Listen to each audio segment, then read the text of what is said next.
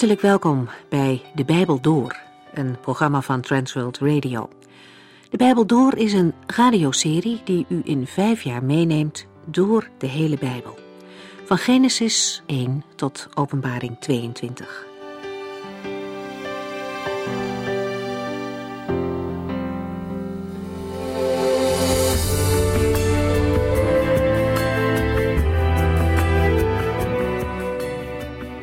Fijn dat u weer luistert. We denken in deze serie momenteel na over de psalmen. De vorige keer lazen we psalm 5, 6 en 7. In psalm 5 opent David met een indringende oproep aan de Heere God om naar hem te luisteren. David zoekt, voordat de dag begint, hulp bij de Heere. Hij weet nog niet wat hem allemaal te wachten staat, maar samen met zijn God staat hij er nooit alleen voor. De ochtend is een goed moment om te bidden. In Israël was daar een vaste tijd voor. Als het morgenoffer werd gebracht, was er ook tijd voor gebed. Het is een goede gewoonte om de dag te beginnen met gebed en net als David dan uit te kijken naar wat de Heere gaat doen. De manier waarop David met de Heere omgaat laat zien dat hij een hechte relatie met God had. Hij kende de Heere. Als er sprake is van onrecht of dreiging, dan raakt hij niet in verwarring over Gods macht. David wordt ook niet moedeloos of bitter, maar hij brengt al zijn zorgen bij de Heere, in de verwachting dat de Heere ook luistert. De vragen om wraak die we in de psalmen tegenkomen, passen in die tijd, en die komen we in het Nieuwe Testament niet meer op die manier tegen. Psalm 6 is het eerste smeekgebed in de Bijbel. David is er ellendig aan toe als hij deze psalm schrijft. En opnieuw zien we dat David erop vertrouwt dat de Heere hem zal horen. Hij weet dat God genadig en trouw is. Ook als het met ons weer fout gegaan is en we gezondigd hebben, dan mogen we een beroep doen op die genade. God wijst een mens die hem oprecht zoekt nooit af. Psalm 7 is het enige klaaglied dat we van David kennen. Waarschijnlijk heeft hij het gedicht naar aanleiding van laster en valse beschuldigingen waar hij mee te maken had. En ook in deze moeilijke omstandigheden zoekt hij de hulp en de wijsheid van God om daarmee om te gaan. We lezen verder in Psalm 8.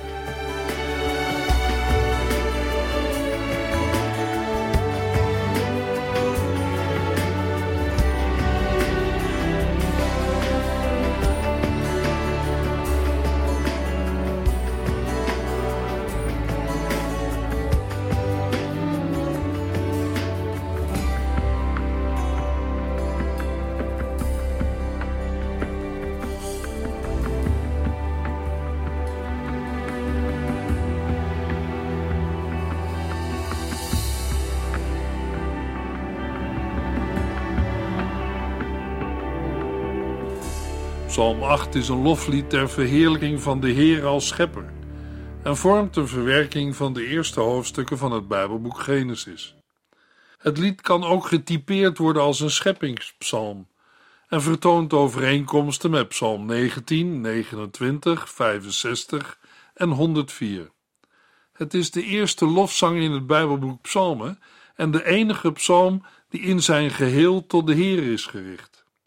Er klinkt geen uitnodiging of aansporing aan mensen om tot lofprijzing over te gaan, zoals in de meeste andere lofliederen. En ook worden er geen afzonderlijke redenen voor opgegeven. Psalm 8 heeft verwantschap met de wijsheidsliteratuur. Het opschrift noemt David als auteur. Het ik in vers 4 bevestigt dat. Maar in het refrein, de versen 2 en 10, gebruikt David onze Heere. Het is mogelijk dat David hiermee het volk insluit, maar het is ook denkbaar dat het refrein door een koor werd gezongen. Uit de beschrijving blijkt dat de dichter de maan en de sterren ziet, terwijl de zon niet wordt genoemd. Deze constatering maakt het waarschijnlijk dat Psalm 8 s'nachts is ontstaan, en mogelijk was het ook bedoeld voor de nachtelijke liturgie, zoals bij de viering van het Pascha. In Jesaja 30 vers 29 lezen we over liederen die s'nachts opklinken. Maar het volk van God zal een vreugdelied zingen. Als de liederen die s'nachts opklinken als de heilige feesten worden gevierd. Psalm 8 zet in met een beschrijving in vers 2 en 3 van Gods majesteit en macht. Daarna volgt in vers 4 en 5 een beschrijving van de nietigheid van de mens in vergelijking met het heelal. Vervolgens schildert de psalm de heerlijke positie van de mens in de versen 6 tot en met 9, om daarna met vers 10 af te sluiten met de lofprijzing die ook in vers 2 staat. Psalm 8, vers 1. Een psalm van David voor de koordirigent, te begeleiden met het muziekinstrument uit Gad. De psalm is bestemd voor de koordirigent, net als psalm 4, en is ook een psalm van David, net als psalm 3. De woorden met het muziekinstrument uit Gad komt hier voor en in psalm 81 en 84. De betekenis is onzeker. De uitdrukking kan een aanduiding zijn van een instrument, toonsoort of melodie. Psalm 8, vers 2 en 3. Heere, onze God, de majesteit en glorie van uw naam vullen de hele aarde en de hemelen vloeien ervan over. U hebt de kleine kinderen geleerd u volmaakt te prijzen. Hun voorbeeld zal uw vijanden en hen die op wraak zinnen beschaamd doen staan en tot zwijgen brengen. Terwijl Genesis 1 spreekt over God als schepper en de naam Yahweh pas vanaf Genesis 2 vers 5 wordt gebruikt, begint David met de verbondsnaam van de Heere. In onze vertalingen klinkt bij het voorlezen twee keer de aanduiding Heere, al is er in de schrijfwijze enig verschil. De vertaling Heere heeft te maken met het feit dat in de Joodse traditie de naam Yahweh op den duur niet meer werd uitgesproken en vervangen door de aanduiding Adonai, wat ook Heere betekent. Dat is al gebeurd in de Septuaginta en overgenomen in het Nieuwe Testament. De bewoording van Psalm 8, vers 2 maakt het aannemelijk dat het onderscheid ook hoorbaar moet zijn geweest. Yahweh is de eigenaam en ook de verbondsnaam van de God van Israël. Vanwege de verbondsrelatie wordt de Heere hier onze God genoemd, waarmee de positie van eigenaar, heerser en gebieder wordt aangegeven. Ons ziet in Psalm 8, vers 2 niet op de mensheid, maar op Israël. Hetzelfde vinden we in Nehemia 10, vers 30, waar we lezen dat het volk Israël trouw belooft aan de Heere. Gods naam is zichtbaar in heel de schepping en speciaal ook in de majesteit en heerlijkheid van het heelal. Dit laatste aspect komt verderop in de psalm concreter naar voren in de maan en de sterren. De naam van God is de wijze waarop hij zich bekend heeft gemaakt en door mensen kan worden aangesproken. De naam en de drager horen bij elkaar. Het gaat hier over Gods openbaring in woord en daad, waardoor hij zijn naam bekend maakt. Dat staat in Psalm 8 parallel met het tonen van Gods majesteit. Die naam is heerlijk, indrukwekkend en geweldig. In Psalm 19, vers 2 wordt gezegd: De hemelen vertellen over Gods grote eer, en het hemelgewelf spreekt over zijn scheppend werk. In Romeinen 1, vers 20 lezen we: God is wel onzichtbaar, maar uit alles wat hij geschapen heeft, blijken zijn eeuwige kracht en goddelijkheid. Want sinds het ontstaan van de wereld is zijn bestaan duidelijk te herkennen uit wat hij gemaakt heeft. De profeet Jezaja vraagt in Jezaja 40 vers 21 aan het volk Israël: Weet u het niet? Bent u doof voor de woorden van God, de woorden die hij uitsprak voordat de geschiedenis van de wereld begon? Hebt u het nooit gehoord en begrepen? God troont boven het rond van de aarde. Mogelijk dat iemand vraagt: hoe kunnen er nu woorden worden gesproken voordat de geschiedenis van de wereld begon? Voor mensen is dat onmogelijk, maar voor de Heere niet. In Genesis 1 is te lezen dat de Heere sprak en het was er. Ieder mens kan weten dat God er moet zijn.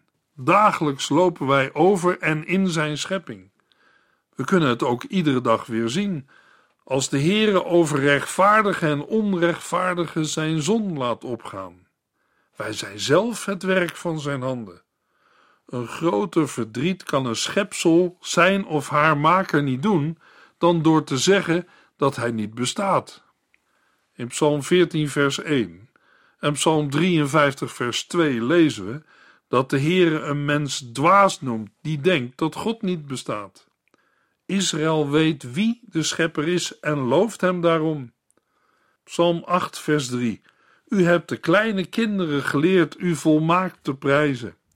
Hun voorbeeld zal uw vijanden en hen die op wraak zinnen beschaamd doen staan en tot zwijgen brengen. Van de grootsheid van het heelal maakt de dichter een grote overgang naar kleine kinderen. Het gebrabbel van kleine kinderen is al een bewijs van Gods scheppingsmacht. De tegenstanders, de wraakzuchtige vijanden, niet alleen van David, maar ook van de Heere, verstommen hierdoor en moeten zwijgen. Zo komt naar voren dat het zwakke van God sterker is dan welke aardse macht ook. We hebben hetzelfde gelezen in het Nieuwe Testament, in 1 Corinthians 1, vers 27, waar Paulus schrijft: God heeft juist wat voor de wereld dwaas is, uitgekozen om hen die zichzelf zo wijs vinden terecht te wijzen. Hij heeft de zwakken van de wereld uitgekozen om de sterke te beschamen. Psalm 8, vers 4 en 5. Als ik s'nachts omhoog kijk naar de hemel en het werk van uw handen zie, de maan en de sterren, die u hun plaats hebt gegeven, wat is dan de mens, dat u zoveel om hem geeft? Wat is een mensenkind, dat u zich om hem bekommert? Opnieuw wordt de blik naar de hemel gericht. Het overweldigende heelal is door Gods vingers gemaakt. Het Hebreeuwse woord dat is vertaald met handen betekent letterlijk vingers. Meestal worden van de Heere zijn arm en handen genoemd. Maar in vers 4 staat in het Hebreeuws vingers, alsof het iets kleins betreft. Aan de nachtelijke hemel zijn naast de maan ook de sterren te zien in een ontelbare hoeveelheid. De Heere heeft ze een plaats gegeven en, nu komt er iets prachtigs. Hij kent ze allebei namen. Psalm 147, vers 4. Bij het kijken naar de sterrenhemel krijgt de mens het gevoel nietig en klein te zijn. Wat is de mens en wat een mensenkind? In Psalm 8 zien we dat juist bij deze vragen de verwondering ontstaat over de Heere, die voor nietige mensenkinderen zorgt en naar hen omziet. Wat een wonder van goedheid dat deze grote God zich met ons mensen wil bemoeien. Wat is een mensenkind dat u zich om hem bekommert? Een soortgelijke vraag staat in Job 7 en 15, als ook in Psalm 144, maar in een andere context. Jesaja 40 geeft aan dat de volken niet meer dan een stofje aan de weegschaal zijn en nietig in vergelijking met het heelal. Psalm 8, vers 6. En u hebt de mens een plaats vlak onder uzelf gegeven. U hebt hem gekroond met heerlijkheid en eer. De mens is maar liefst bijna goddelijk gemaakt. En de Heere heeft hem met heerlijkheid en luister gekroond. Een drietal teksten in Genesis spreekt over de schepping van de mens als beeld van God. In deze teksten worden de woorden beeld en gelijkenis gebruikt. In de geschiedenis van de uitleg van de Bijbel zijn in de loop van de tijd uiteenlopende verklaringen van deze woorden gegeven. Voordat we nu verder gaan met de verschillende aspecten van de mens als beeld van God, is het van belang een opmerking te maken over de beperkingen van de mens. Daarin zal duidelijk worden waarom de mens niet gelijk is aan God. In Psalm 8, vers 6 hebben we gelezen dat de Heere de mens een plaats vlak onder zichzelf heeft gegeven. Daarmee wordt ook aangeduid dat God groter is dan een mens.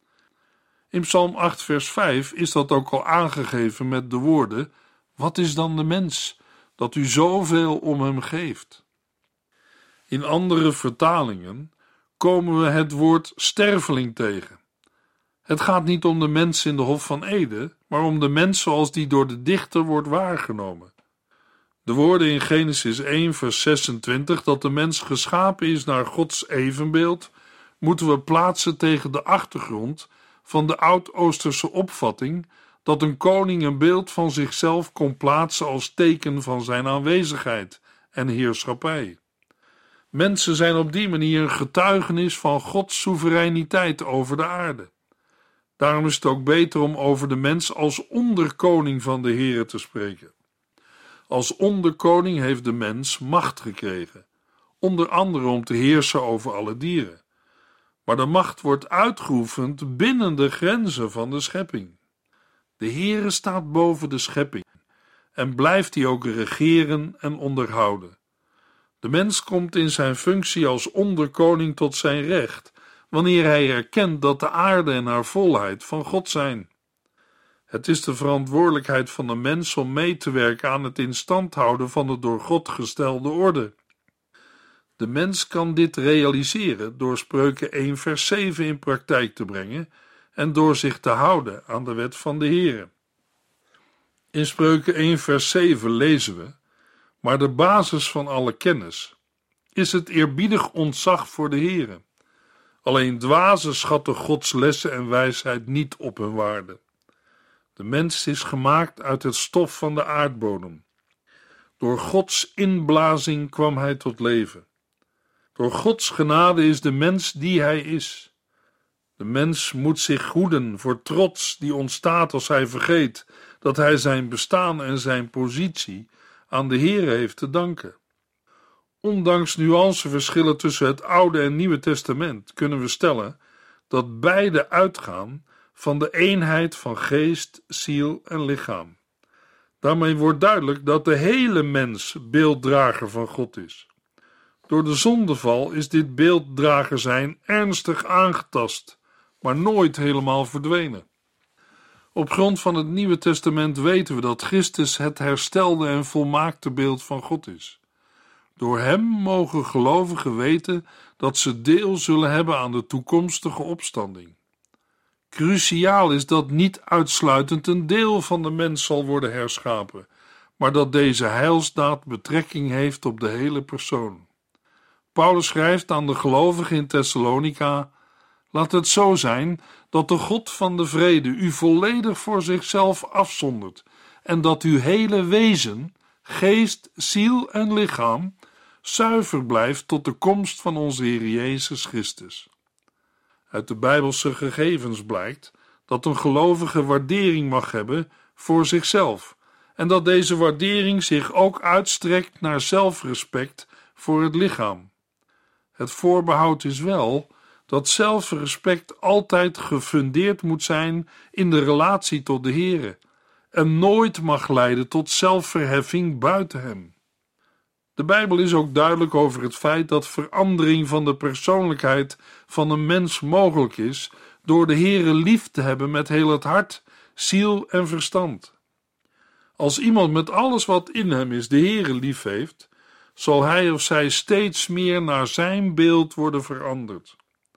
Onze tijd wordt gekenmerkt door mensen die worstelen met hun zelfbeeld.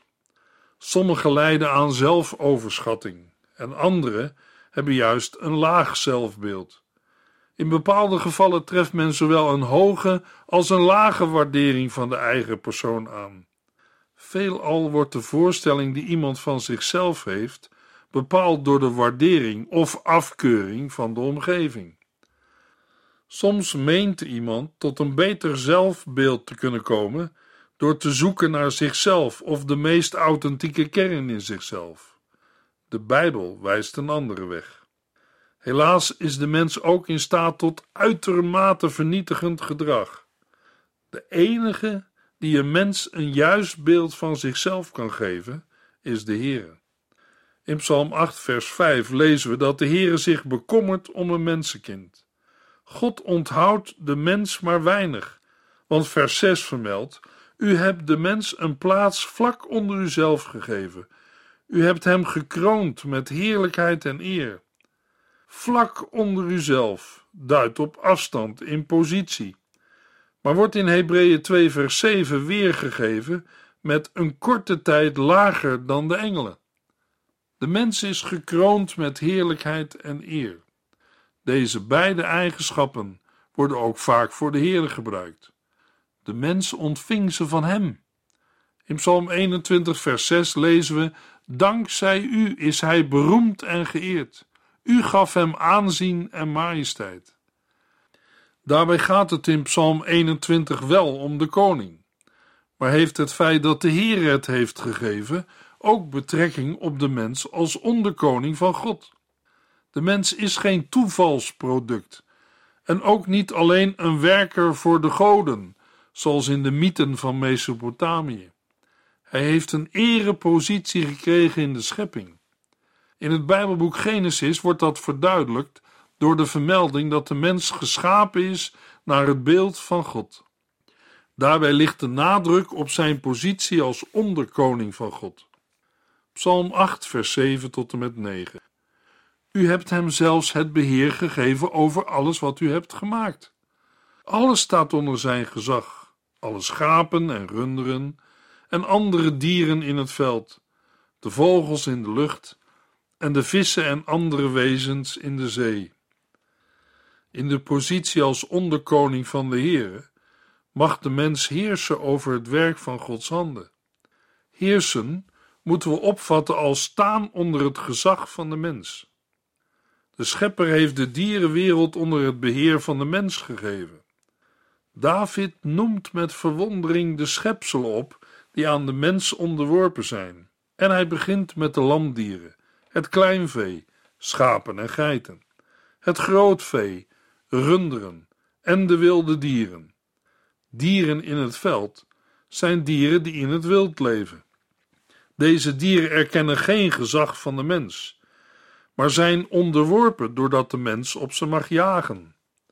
In vers 9 worden de vogels in de lucht en de vissen in de zee genoemd, als ook de andere wezens in de zee.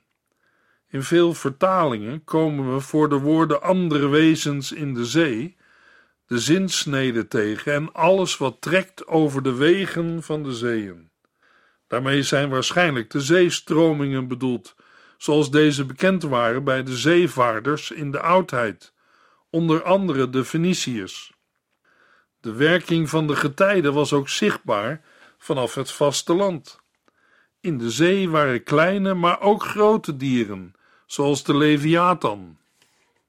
In de 19e eeuw is een oceanograaf, naar aanleiding van Psalm 8, vers 9, op zoek gegaan naar de wegen van de zeeën en heeft de oceaanstromingen in kaart gebracht.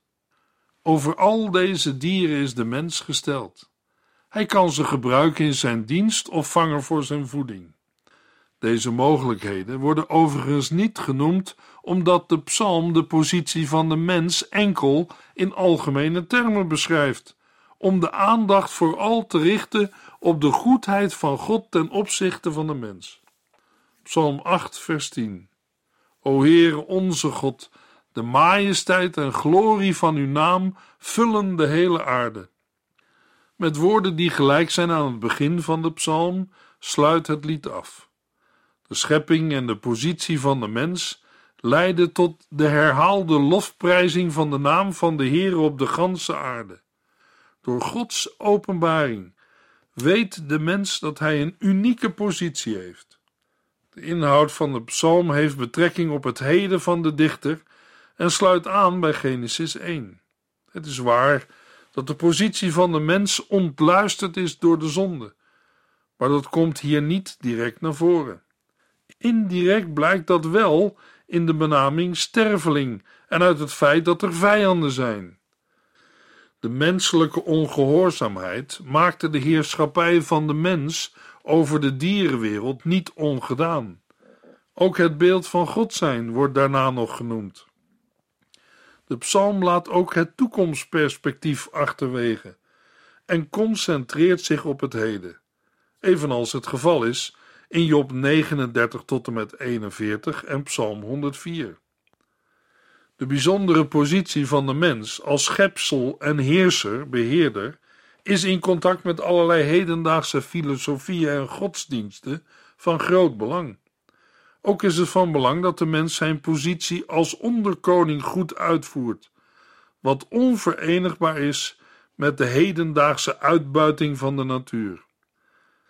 Ten slotte is het ook van belang dat we Gods werk zien in schepping en onderhouding van zijn wereld, tot in de aanwezigheid van kinderen en zuigelingen, en dat we alles laten uitlopen op de majesteit en glorie van zijn naam.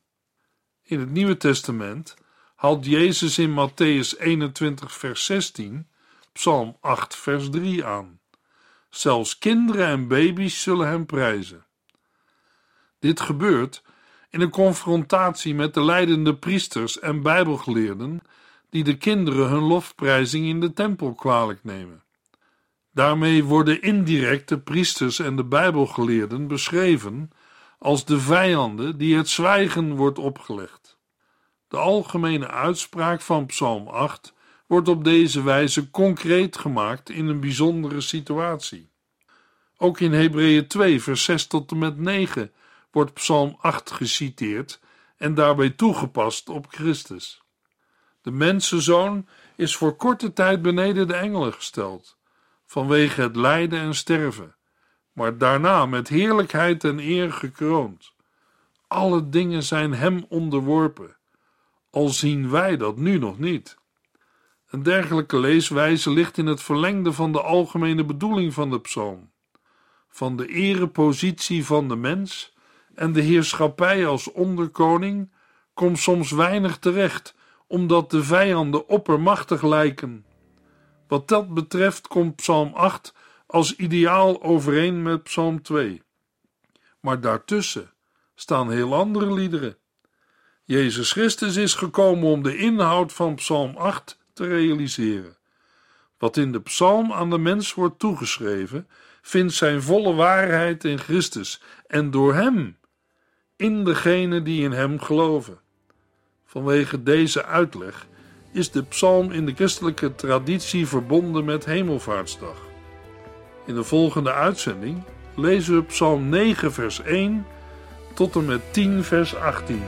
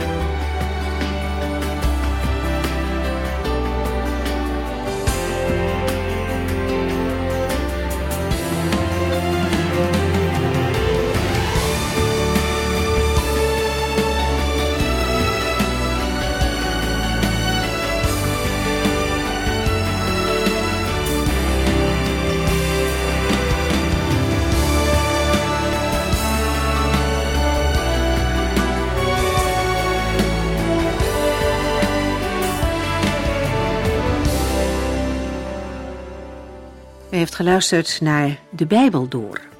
In het Nederlands vertaald en bewerkt door Transworld Radio. Een programma waarin we in vijf jaar tijd de hele Bijbel doorgaan.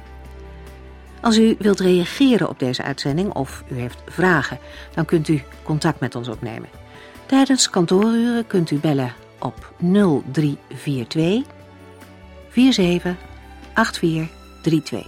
0342 47 8432. 32. Ook kunt u een e-mail sturen naar de Bijbel door transworldradio.nl en natuurlijk kunt u ook via de post ons bereiken. TWR, postbus 371, postcode 3770, AJ in Barneveld. Dit programma werd gepresenteerd door Cor Weda en Ike André. Techniek was in handen van Odin van Woerdekom. En wij allemaal bedanken u voor het luisteren. Graag tot de volgende keer.